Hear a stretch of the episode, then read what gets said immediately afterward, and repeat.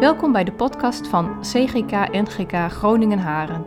In deze podcast kan je luisteren naar de prekenseries van Rick Bikker en Wim Kees van Sloten. Je luistert nu naar de serie preken over openbaringen.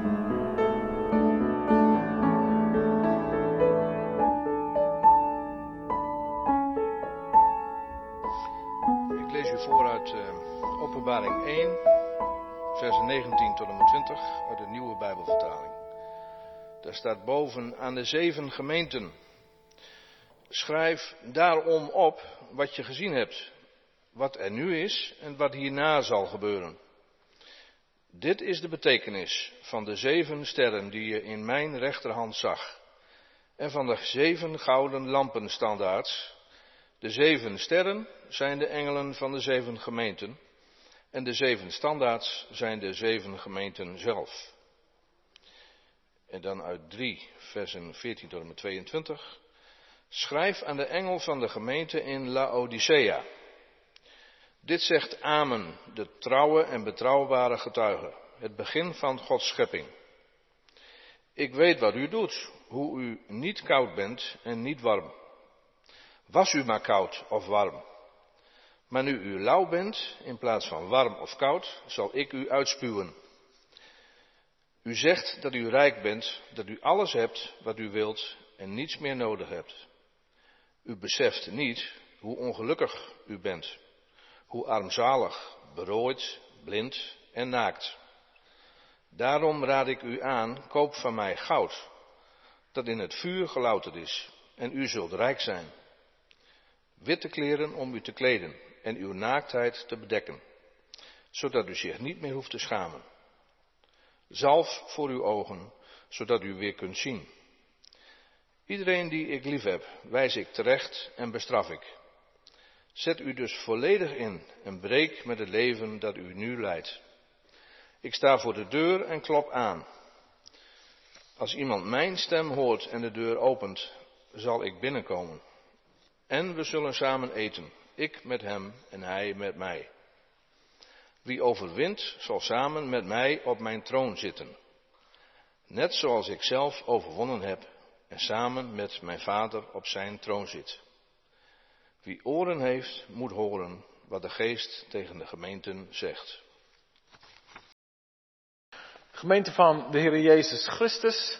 Uh, Wim Kees die zei uh, vorige week van, uh, ik heb eigenlijk voor jullie het labeltje. Hè? Dit is het labeltje aan de buitenkant. Hier, hier staat eigenlijk op wat erin zit. Openbaring van Jezus Christus. Hij is de afzender, maar hij is ook het onderwerp. Je krijgt zicht op, op hem. Nou, je zou kunnen zeggen, als hoofdstuk 1 het label was, dan zijn daarna de zeven brieven van de zeven gemeenten, ja, die zijn eigenlijk een beetje de handleiding. Die laten zien hoe het werkt.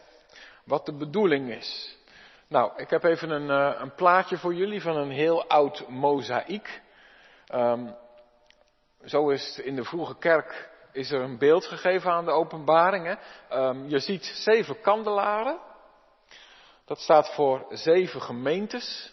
En in de openbaring zijn getallen eigenlijk altijd getallen met betekenis. Dus zeven, nou dat zullen de meesten wel weten. Zeven is in openbaring eigenlijk altijd het getal van God. Maar het is ook het getal van de volheid. Dat betekent, dit zijn alle gemeentes. Dus aan de ene kant zijn het zeven heel concrete gemeentes.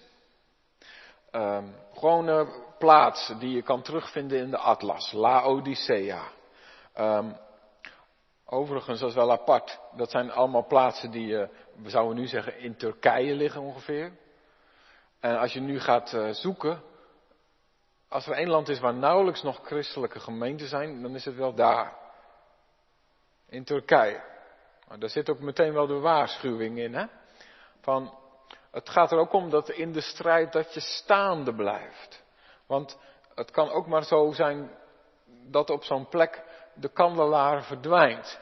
Maar er zijn zeven gemeentes, heel concreet, op een plaats en die krijgen een brief. En tegelijkertijd is het dus, als er zeven brieven staat aan zeven gemeentes, mag je zeggen, dit zijn ook brieven aan de kerk van overal en van altijd. Dat is een beetje een dubbele, een dubbele lijn. Nou, Dan ga ik voor het eerst in mijn uh, carrière hier uh, ga kijken of ik uh, de beamer kan bedienen. Kijk, tot nu toe gaat het goed. Um, dit is eigenlijk, ja, dat is voor de mensen van de podcast even. We hebben af en toe een plaatje en, en, en ook wat tekst. En ik zal mijn best doen om het aan jullie te vertellen. Maar als je het wil zien, dan moet je even op uit, of kerkdienst gemist kijken. Daar kun je het ook zien. Um, dit is denk ik wat de samenvatting moet zijn van, van het geheel. Laat dit het motto zijn van de preek. Ieder die ik lief heb, wijs ik terecht en bestraf ik. Ja, misschien dat je dan zegt als je die woorden ziet, nou, dat is een fijn begin. Ik heb er al helemaal zin in. Um, maar ik wilde even bij zeggen van bestraffen, tuchtigen, dat is in de Bijbel eigenlijk iets heel moois. Dat is, je zou het in deze tijd bijna trainen noemen. Uh, wij hebben ook ons jongerenwerk van 17 plus bootcamp genoemd. Dat is trainen, dat is buffelen, dat is hard werken om te groeien, om sterker te worden. Dat is wat hier wordt bedoeld. Dat God zegt, luister eens, kerk van Jezus Christus, kerk in Klein-Azië, kerk van overal en altijd, er komt een strijd aan en ik wil dat je klaar bent voor die strijd. Ik wil dat je sterk bent in die strijd. Ik wil dat je staande blijft en omdat ik je lief heb, daarom train ik jullie en daarom zeg ik ook, let op dat, let op dat, let daarop, let daarop. Ik wil dat je staande blijft. Nou, dat is waar het om gaat. Dus het is ook een beetje een uh, wake-up call dat je wakker wordt, wordt geschud van, let erop, er is strijd. Hier roept zijn kerk wakker. Nou, en dan, uh, dan, dan gaan we meteen maar verder met, oh kijk, het eerste wat de Heer Jezus doet als hij dan zijn zeven gemeenten aanspreekt, is aan ze vertellen van, ik wil dat je snapt hoe jouw situatie erbij ligt. Ik wil dat je je besef hebt van in welke omgeving jij kerk bent en wat er gaande is. En dat moet er dus gebeuren als je in de strijd staande wil blijven. Dat is dat je snapt wat er aan de hand is. Je kunt natuurlijk ook wel zeggen van nou, het lijkt allemaal best aardig te gaan. Pardon, ik weet niet of je dat herkent, maar in deze tijd heb je misschien wel de neiging om helemaal niet goed op te letten wat er allemaal gaande is. Omdat je denkt, ik wil het allemaal niet weten. Je denkt, ik wil niet weer naar een persconferentie kijken. Ik wil niet weer naar het journaal kijken. Ik wil eigenlijk gewoon winterslaap houden. Ik wil gewoon een deken over mijn hoofd doen. En ik wil in maart weer wakker worden en dan ontdekken dat alles weer voorbij is. Um, maar Jezus zegt, nee, nee, nee. Je moet in het leven opletten. Kijken wat er gaande is. En en dus het eerste wat hij doet is bij zeven gemeentes laten zien van wat is er bij jullie aan de hand. Nou, en dan is er een gemeente, Efeze, die verliest de eerste liefde. En dan worden ze ook gewaarschuwd, hè. En de eerste liefde, dat is, vroeger waren jullie, ja, mag ik dat zo zeggen? Waren jullie verliefd op mij? Er was een tijd, gemeente, dat je vol was van het geloof. Dat je er van alles bij beleefde. Dat je er van overliep. Dat het, dat het alles bepaalde. Dat je er zo mee bezig was. Dat je er zoveel vreugde aan beleefde. Dat het je zo aandreef. Maar nu, ja, het is er nog wel de liefde en je houdt nog wel van elkaar. Maar het spat er niet meer zo af. Het heeft ook niet meer prioriteit. Het is niet meer je eerste liefde. Er zijn ook een heleboel andere dingen die zijn ook mooi en ook belangrijk.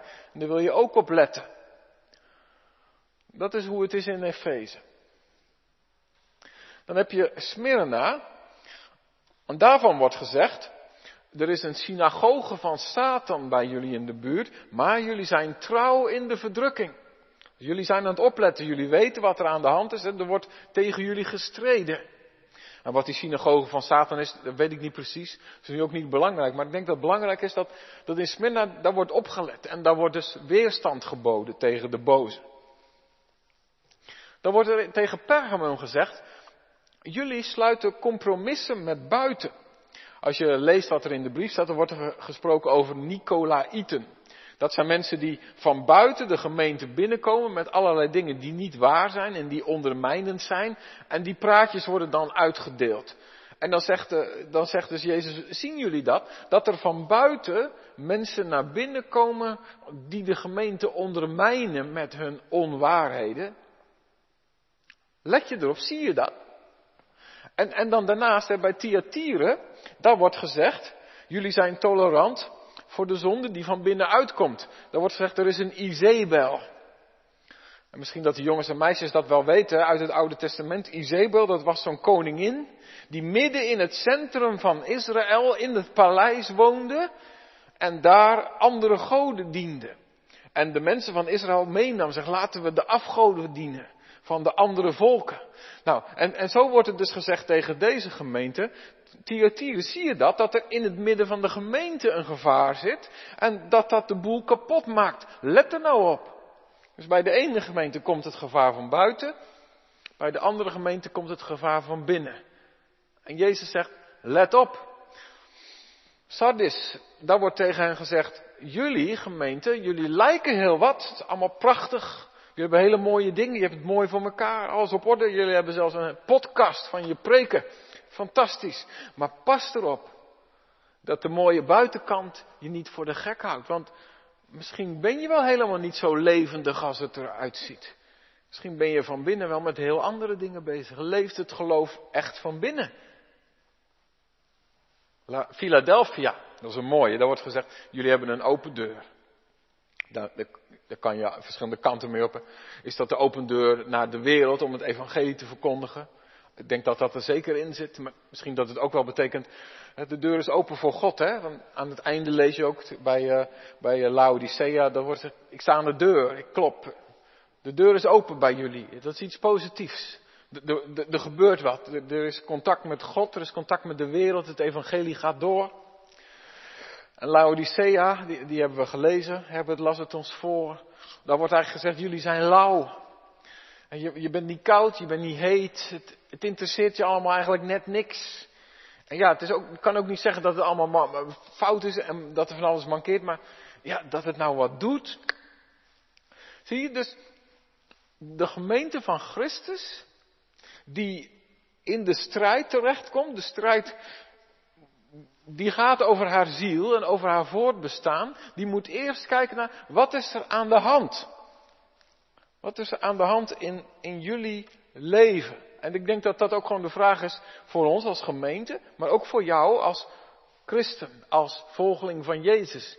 Dat je niet denkt van, nou, ik rommel maar wat door en ik geloof het allemaal wel en ik ben toch kerkmens en ik zit toch in de kerk. Wie zegt dat tegenwoordig nog, dat hij in de kerk zit, hè? Nou, wij zitten er dan. En wij kijken ook nog trouw mee. En, nou ja, wie komt daar nog om tegenwoordig? Maar dat je elke keer opnieuw ook gewoon inventarisatie houdt. En dat je zegt van, hoe staat het er nou voor met ons? Hoe zit het met onze liefde? Hoe zit het met uh, onze oplettendheid? Dat is belangrijk. Dat is de eerste oproep. En dat is dus ook wat dat boek Openbaring doet. Hè? Die wil ons helpen om elke keer helder te krijgen van wat is er aan de hand. Nou, je moet drie kanten op waakzaam zijn. Dat is eigenlijk de samenvatting van dat eerste stukje. Naar buiten toe, naar de wereld die, die binnenkomt, hè, in je telefoon en in je hoofd en op je internet en met je krant en je radio. En waar allerlei waarden en normen en gedachten en ideeën binnenkomen. En daar moet je kritisch mee omgaan. Is dit de waarde van het evangelie of is dit iets anders? Is dit de weg van God of is dit een andere weg? Maar er komt ook van de boze. Die probeert om je weg te halen bij Jezus vandaan. Er wordt getrokken aan je hart. En ja, het derde is, eh, we hebben de Satan helemaal niet nodig, want we hebben ons eigen hart en dat is al meer dan genoeg om bij God vandaan te lopen. Deze drie, dat zijn natuurlijk uh, samen een samenvatting van hè, die, dat eerste stukje van die brieven, maar de catechismus heeft het ook zo onder elkaar gezet. Dus die, die herken je misschien al wel, maar hè, let erop, hè, dus waakzaam zijn, want er is strijd. Dat is, dat is het eerste. Let op je situatie. Nou, nadat er dan tegen die zeven gemeentes wordt gezegd, kijk nou eens even wat er aan de hand is bij jullie, komt het volgende. Wat moet je dan doen? Wat vraagt God dan? Hè? Dat is het volgende. Dus als je ziet wat er aan de hand is, hoe moet je dan waakzaam zijn? Nou, en dan wordt er tegen zeven gemeentes ook weer iets gezegd van welke stap je kan nemen. Nou, de gemeente die zijn eerste liefde verloren heeft, die krijgt als opdracht mee, kom tot inkeer en bekeer u. Ga terug. Ga terug naar je eerste liefde. En de tweede gemeente, die verdrukt wordt omdat daar een synagoge van Satan staat, die krijgt als opdracht mee, wees niet bevreesd. Dat is echt, dat is echt een evangelieopdracht, hè? Moet je maar eens opletten. Dat komt zo vaak in de Bijbel voor dat God tegen de kerk zegt, wees niet bevreesd. En wees trouw, hou vol. De volgende gemeente, die compromissen sluit met, uh, met wat er van buiten komt, tegen die gemeente wordt ook gezegd, bekeer u. En de, um, dat, dat, is eigenlijk alles. Meer, dat is echt, veel meer kan ik er niet van maken, dat is het. Um, de gemeente die uh, compromissen sloot met wat er aan de binnenkant allemaal rot was en niet klopte, die krijgt als boodschap mee, hou vast wat u hebt, totdat ik kom. Dat is trouwens wel boeiend, hè? Dat een paar keer in die brieven Jezus zegt, ik kom, of ik sta buiten, of ik ben niet bij jullie. Dus, dat is wel confronterend. Als Jezus zegt, ik kom, dan zegt hij dus, jullie zitten het nu zonder mij te doen, hè? Denk je er even aan. Um, de volgende gemeente, Sardis, dat is die gemeente die er heel levendig uitzag, maar die op sterven na dood was. Die krijgt als opdracht mee. Even goed kijken. Wees waakzaam, versterk het overige dat dreigt te sterven. Bedenkt hoe u het hebt ontvangen en gehoord en houd het vast en bekeert u. Dus hij zegt, jullie zijn nog niet dood, maar wat, wat er dan nog is, hou dat vast en geef dat ruimte en laat het groeien. En dan de laatste, Laodicea, dat is die gemeente die lauw is. En dat is de gemeente die heel trots is omdat ze van alles hebben en alles voor elkaar hebben. En dan zegt Jezus, jullie hebben helemaal niet zoveel en het stelt allemaal niet zoveel voor. En dan zegt hij, uh, ik raad u aan dat u van mij koopt goud en witte kleren en ogenzalf. Als ik dat samenvat, dan staat het er zo. Doe Christus aan. Dus je hebt heel veel van jezelf, maar dat stelt helemaal niks voor. Je hebt Christus nodig. Heb hem nodig. Zoek hem. Vraag naar hem. Verlang naar hem. Zie je dus eerst kijken naar je situatie. En uit die situatie komt dan een, een oproep voort. En als je dat allemaal samen moet vatten, dan is die oproep, denk ik, voor eigenlijk allemaal bekeer. Terug naar Jezus. Terug naar God. Laat achter wat, hem, wat jou van hem vandaan houdt en ga naar hem terug. En dat is dus ook niet iets waarvan je zegt, nou dat hebben we dan een keer gedaan. We weten nog heel goed, we hebben een memo geschreven, dat was in 1996, toen hebben we dat gedaan met z'n allen. Kan ik nog terugvinden in de notulen, dus dat hebben we gedaan. Dan zie je, dat moet elke keer, in elke situatie, hè, of het nou goed gaat met je, omdat de deur open staat, of dat er dreiging is van buiten, of dat het op sterven na dood is, of wat dan ook. Elke keer is de opdracht dat God zegt, ik roep jullie terug naar mij. Ga dit nou niet zonder mij doen. Kom nou bij mij. Doe dit samen met mij. Bekeer je. Dus dat is ook voor nu de opdracht. Elke keer opnieuw, ook voor jezelf. Dus nadat je gekeken hebt, hoe zit het nou met mijn leven? Hoe zit het met mijn wandel met God? Misschien dat je gewoon wel eens even in, uh, in de komende tijd kunt kijken van, uh, waar lijk ik eigenlijk op? Hoe, hoe is het met mij? Lijkt het op een van deze situaties? Nou, dan kun je ook kijken, wat moet ik dan doen? Dit. Dan gaat ermee aan het werk. Hè? In het besef dat het God zelf is die in Christus naar je toe komt en die zegt, ik wil jou dicht bij mij hebben. En alleen dan kun je het volhouden, de strijd. Er staat veel op het spel. Nou, maar dan, dan is de volgende stap, gemeente, is als je dan die opdracht meekrijgt, dan kun je zeggen, nou, het was een mooie preek, het ging over dat we ons moeten bekeren. Als dat zegt ook, dat moet je doen. Zet hem op, volhouden, kom op, niet loslaten, goed je best doen. Maar als dat het nou is, hè, dan kan het ook maar zo zijn dat je, dat je vanavond zegt, dat, gaan, dat willen zo willen we het leven. Dat zijn we echt van plan. Maar dat je woensdag zegt, ja, ik was het zo van plan, maar ja, eigenlijk ben ik alweer moe en het is alweer misgegaan en het ging alweer fout en ik weet het ook niet meer goed en ik, ja, het wordt niks met mij, met dat bekeren van mij. Ik heb het wel gedaan, maar eh, wat levert het nou op? Je kan ook heel ontmoedigd raken als die opdracht, als dat het is wat je mee mag nemen naar huis. Hij is heel belangrijk, maar dan moet je wel iets anders daarbij hebben. En dat is dat je moet zien wie Christus is. En dat is zo mooi dat in elke van die brieven, daar wordt gezegd, dit zegt niet Christus, maar dit zegt, en dan komt er een bijzondere naam van Christus. En in die naam zit een belofte. Daarin vertelt hij wie die is. Dit zegt degene die zeven sterren heeft en die wandelt tussen de zeven kandelaren. Zo, wordt, zo noemt Jezus zichzelf. En daarmee wordt dus eigenlijk gezegd, al die gemeentes, heel die kerk wereldwijd, die is van mij en ik wandel tussen haar. Ik ben in haar midden. Dus je moet het niet zo zien dat daar zit ergens in Klein-Azië een gemeente en Christus zit daar in de hemel op zijn troon en zegt, nou ik hoop dat ze het goed volhouden allemaal. Nee, ik wandel in hun midden. Straks aan het eind van de preek zie je dat plaatje nog een keer. Zeven kandelaren en in het midden het lam. Christus is in ons midden. Hij is niet ver weg, maar hij is bij ons. Dat is het eerste. En dan wordt er tegen Smyrna gezegd. Smyrna, dat was uh, de gemeente die trouw is. Er wordt gezegd, ik ben de eerste en de laatste. Ik ben degene die dood geweest is en ik leef. Dus wat jullie bij je hebben, dat is niet een gedachte aan iemand die lang geleden iets moois heeft gezegd. Ook niet een inspirerend voorbeeld wat we uit een boek kunnen lezen, maar Jezus, de levende Heer, die de dood is doorgegaan, die overwonnen heeft. Jezus overwinnaar, zei Wim Kees vorige week. En die is bij jullie. Zie je dat? Dat Hij er is. En dat dat het anders maakt dan alleen maar, wij moeten ons bekeren. Je mag naar Jezus, de levende Heer. Naar Hem mag je toe. En dan tegen Pergamum, wordt gezegd, hè, dat is die gemeente die compromissen sluit, die het makkelijk wel een beetje laat lopen allemaal. Wil je eraan denken dat ik degene ben die het tweesnijdend scherp zwaard heeft? Ik oordeel. Sommige dingen die in de wereld zijn, die zijn goed. Want ik heb deze wereld gemaakt. En heel veel is van mij. En heel veel in de wereld is iets moois, waar je van mag genieten waar je dankbaar voor mag zijn. Maar er zijn ook dingen in deze wereld die proberen jou bij God vandaan te trekken. En die zijn niet goed, want die zijn bedorven. En je moet onderscheid maken tussen die twee dingen. Dat is dat tweesnijdend zwaard. Hè?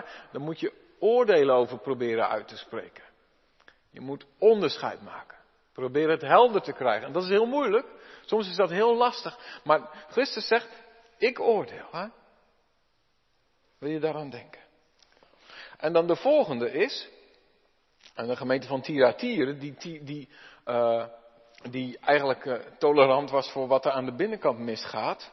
Daar wordt gezegd, willen jullie wel ontzag hebben voor je Heer? Wil je wel bedenken dat Hij een machtige koning is? Hij is de zoon van God, die ogen heeft als een vuurvlam, die voeten heeft als blinkend koper. Dat gaat over zijn macht en over zijn majesteit. En dat Hij het verdient dat wij Hem met ontzag gehoorzamen en dienen. Dan wordt er tegen de gemeente van Sardis gezegd, die op sterven na dood is. Ik ben degene die zeven geesten van God heeft en zeven sterren. Zeven, getal van de volheid. Als je het in de openbaring ziet staan dat er zeven geesten zijn, dan moet je eigenlijk denken aan één geest. Klinkt een beetje raar, maar de zeven geesten zijn in de Bijbel een symbool voor de Heilige Geest. Uh, en uh, er wordt wel eens in de dienst gezegd, en de zeven geesten die voor zijn troon zijn, dat is de Heilige Geest. Dus tegen die gemeente die bijna dood is, waarvan je denkt, hoe houden ze het vol? Tegen hen zegt hij, weet je wel dat de geest die in de wereld uitgaat, dat die ook van mij uitgaat. Dat is ook mijn geest. Hè? Die gaat uit van de Vader, maar die gaat ook uit van mij. En ik zend jullie mijn geest. Zeven geesten en zeven sterren. Dat betekent aan al die gemeentes die hebben een, eh, een boodschapper, een engel. En um, ja, daar is een hele discussie over. Er zijn mensen die zeggen dat betekent dus dat elke gemeente dat daar een waakengel over is. Of een, een beschermengel. Weet ik niet. Er zijn ook mensen die zeggen dat betekent gewoon dat er in de gemeente iemand wordt aangesteld die als boodschapper van God het nieuws vertelt. Want engel is gewoon een woord dat betekent boodschapper. Nou, hoe dan ook, hè. in ieder geval zegt God, ik stuur iemand naar jullie die jullie beschermt of die jullie de boodschap van het evangelie eh, vertelt. Dus die gemeente die bijna op sterven na dood is, God zegt, ik steun jullie. Mijn geest is er en mijn boodschapper is er, mijn engel is er. Ik verscherm, ik, ik bescherm jullie en ik, ik steun jullie. Ik ben aan het werk. Ik laat jullie niet los. Ik laat je niet alleen. En Philadelphia, die kerk die een open deur heeft, tegen hen wordt gezegd, ik ben de heilige, de waarachtige, die de sleutel van David heeft, die opent en niemand sluit. Dat vind ik zo mooi, hè? Dus eigenlijk zegt de Heer Jezus tegen die, eh, die gemeente van, ik weet dat jullie je best doen om die deur open te houden. Om dat evangelie naar buiten te doen. Om, om contact te houden met mij. Maar wil je eraan denken dat het niet van jullie afhangt? Als ik die deur open doe, dan is er geen mens die eraan hoeft te denken om die deur dicht te doen. Want dat hoeft niet, dat werkt niet. Ik heb hem open gedaan. En dan blijft hij open. Dus dat is ter bemoediging. Hou vol, ga door, ik ben er. Dit is niet jullie werk, maar dit is mijn werk. En dan tegen Laodicea, die lauwe gemeente. Daar wordt gezegd, ik ben de amen. Ik ben de getrouwe, waarachtige getuige. Ik ben het begin van Gods schepping. Tegen hem wordt gezegd, jullie geven het bijna op, maar ik geef het niet op. Ik ben trouw. Ik doe wat ik beloofd heb. Ik ben niet lauw over jullie. Helemaal niet. Ik ben vol liefde voor jullie. Ik ben vol vuur. Ik ben waarachtig. Ik ben trouw. Ik ben de amen. Amen betekent wat ik gezegd heb, dat doe ik ook. Begin van Gods schepping. Dat betekent, als God iets nieuws maakt, dan maakt hij het ook af. En dat zie je in Christus. Dus zie je dat? Dat kijken naar je situatie, dat wordt eerst gedaan in al die gemeentes. Daarna lees je in al die gemeentes dat ze worden opgeroepen om, om een stap te zetten in geloof. Samengevat, bekeer u. En dan wordt er in die brieven gezegd, maar dat wordt je gezegd door Jezus. Dit is Jezus voor jou. Zie je wat je in Hem hebt gekregen? Vertrouw nu niet op jezelf, vertrouw op Hem. Nou, en, en dan is het laatste van, en nu wil ik dat je snapt dat als je die stap zet, dat dat ertoe doet, want het gaat erom dat je overwint. Er zijn dus ook mensen die niet overwinnen. Er staat iets op het spel, het is van belang. Er is een uitkomst. Er zijn ook mensen die geven het op. Maar als je nou die weg wil gaan, hè, van kijken, van bekeren en naar Jezus gaan en het van Hem ontvangen, het bij Hem zoeken, dan wordt je iets beloofd. En er staat er in elke gemeente ook weer wat anders. De gemeente die de eerste liefde verloren had, aan die gemeente wordt gezegd, jullie krijgen te eten van de boom des levens. Dat gaat over contact met God hebben en dat er niks tussen zit. Zoals in het paradijs. Zo een beetje.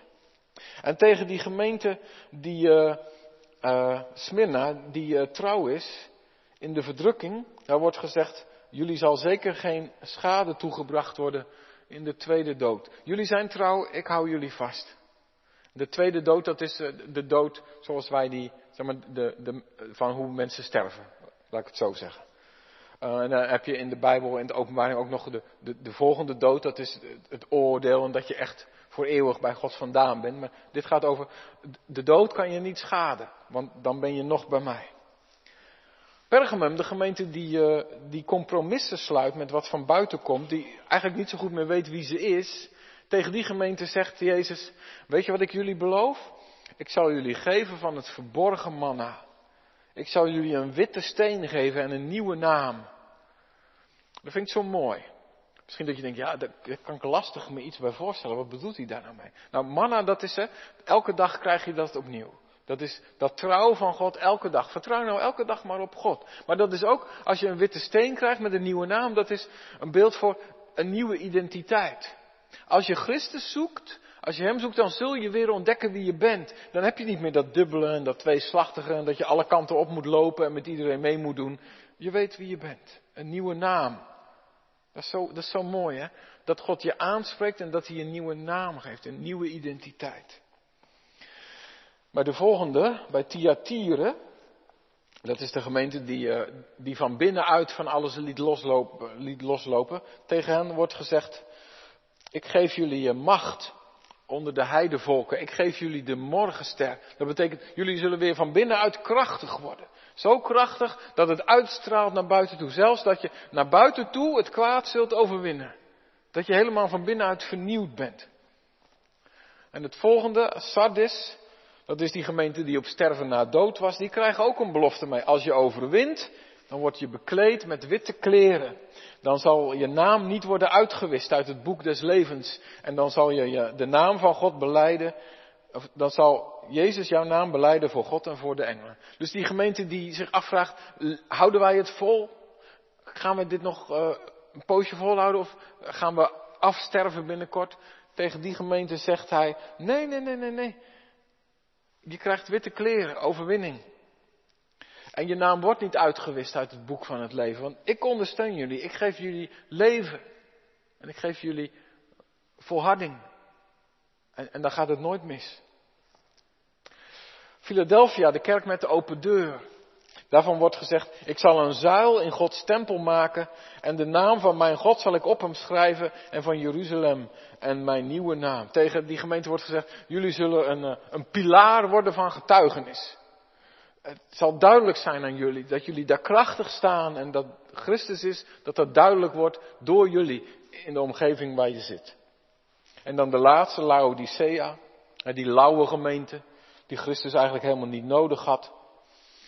En uh, dat vind ik zo mooi. Tegen hem wordt gezegd, je zal met mij zitten op de troon, zoals ook ik overwonnen heb. Dus die gemeente die Christus niet nodig had. En tegen die gemeente zei Christus ook, ik sta aan de deur en ik klop. Daarmee zei hij eigenlijk, ik sta buiten. Jullie denken wel dat je fijn met mij samen bezig bent, maar ik sta buiten. Maar ik kom bij jullie binnen en dan, dan komt er een nieuw begin en dan zullen jullie bij mij zitten. Niet ik aan jullie tafel, maar jullie aan mijn troon. En dan zullen jullie delen in mijn overwinning. Dan ben je meer dan overwinnaars door hem die jou heeft liefgehad. Toch nog even in de middagdienst Romeinen 8 langs laten komen. Zie je dit gemeente? Dat, dat zo, kun je best in één lijn, kun je al die brieven samen doorlezen. En, en de boodschap kan je ook meenemen. Je zegt van, er is voor mij een, eh, een oproep. Kijk, want er is een strijd gaande, ook in jouw leven, ook om jouw ziel. Gemeente, kijk. Twee, doe een stap. Bekeer je. Terug naar God. En, en dan de volgende, kijk wie Jezus voor jou is. Leef uit zijn belofte. En, en dan, dan mag je uitzien naar overwinning. Nou, en eigenlijk mag je zeggen, de rest van het Bijbelboek Openbaring gaat daarover kijken, bekeren en, en dan midden in die strijd, die van buiten komt en die van binnen komt en die van de boze komt. En dan gaan we in geuren en kleuren gaan we dat lezen. Hoe die strijd voelt en wat er allemaal in zit. Maar dan, het gaat naar die overwinning toe. Hè? Dat, openbaring 21, openbaring 22. Wie overwint? Daar gaat het naartoe. En dan is het laatste. Na de strijd komt de vrede. En dan, dan is dat dit. Christus te midden van zijn kerk. De kerk van overal en altijd. De zeven kandelaren. Christus die daar op het altaar ligt. Het lam dat is geslacht. En aan zijn voeten zie je de boekrol. Zie je dat? Daar gaan we het de volgende keer over hebben. Volgende week. Dan gaat het over de boekrol die geopend wordt. En die boekrol dat is Gods heilsplan. Dus daarmee wordt eigenlijk gesymboliseerd. Ja, er is een strijd. Ja, het is moeilijk. Er is aanvechting. Er is chaos in de wereld. Maar Christus is in het midden.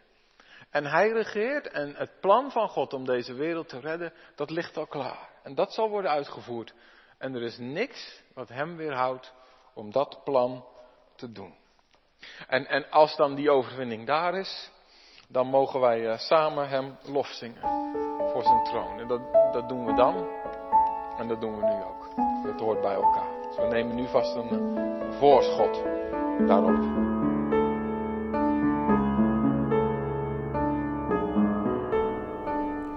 Bedankt dat je naar deze podcast hebt geluisterd. Wil je reageren? Stuur dan een e-mail naar podcast.cgk-gn.nl. Hopelijk tot de volgende aflevering.